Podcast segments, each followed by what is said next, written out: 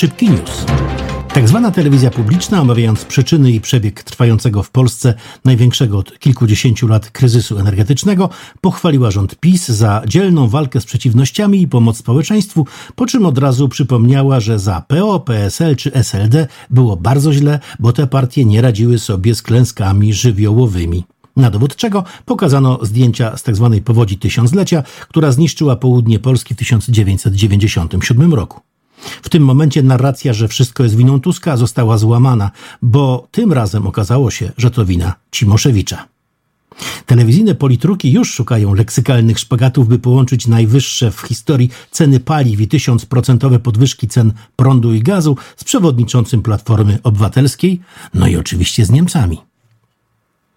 W Raciborach w województwie podlaskim miejscowi działacze PiS wraz z przedstawicielami dyrekcji PKP oddali z pompą do użytku nowy budynek dworca kolejowego.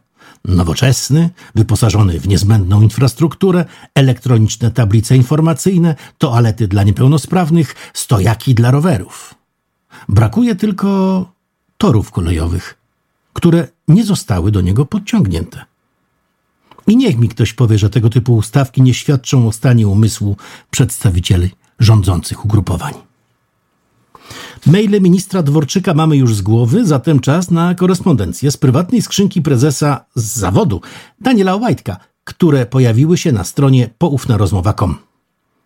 W pierwszym z wielu Łajtek pisze do Morawieckiego, opisując swoją wizytę u Kaczyńskiego, podczas której niedawny wójt Pcimia ustalał kolejne etapy swojej kariery.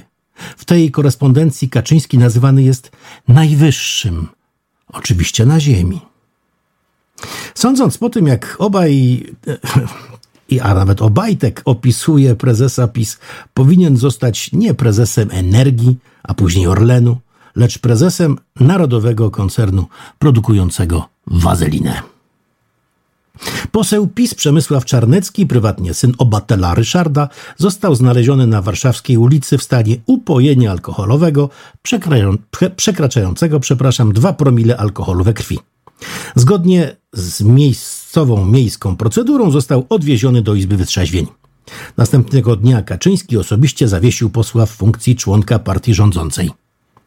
Telewizja udająca publiczną poświęciła temu bulwersującemu zdarzeniu 10 sekund czasu antenowego, bez zdjęć, bez filmów i komentarzy. Za to w trakcie odczytywania informacji o głupim zachowaniu Czarneckiego widzowie wiadomości zobaczyli na dole ekranu pasek z napisem Marcin W. Dałem łapówkę Tuskowi. Fajnie, że funkcjonariusze tego medium znowu dali pożywkę pod nowe skecze najlepszych polskich kabaretów.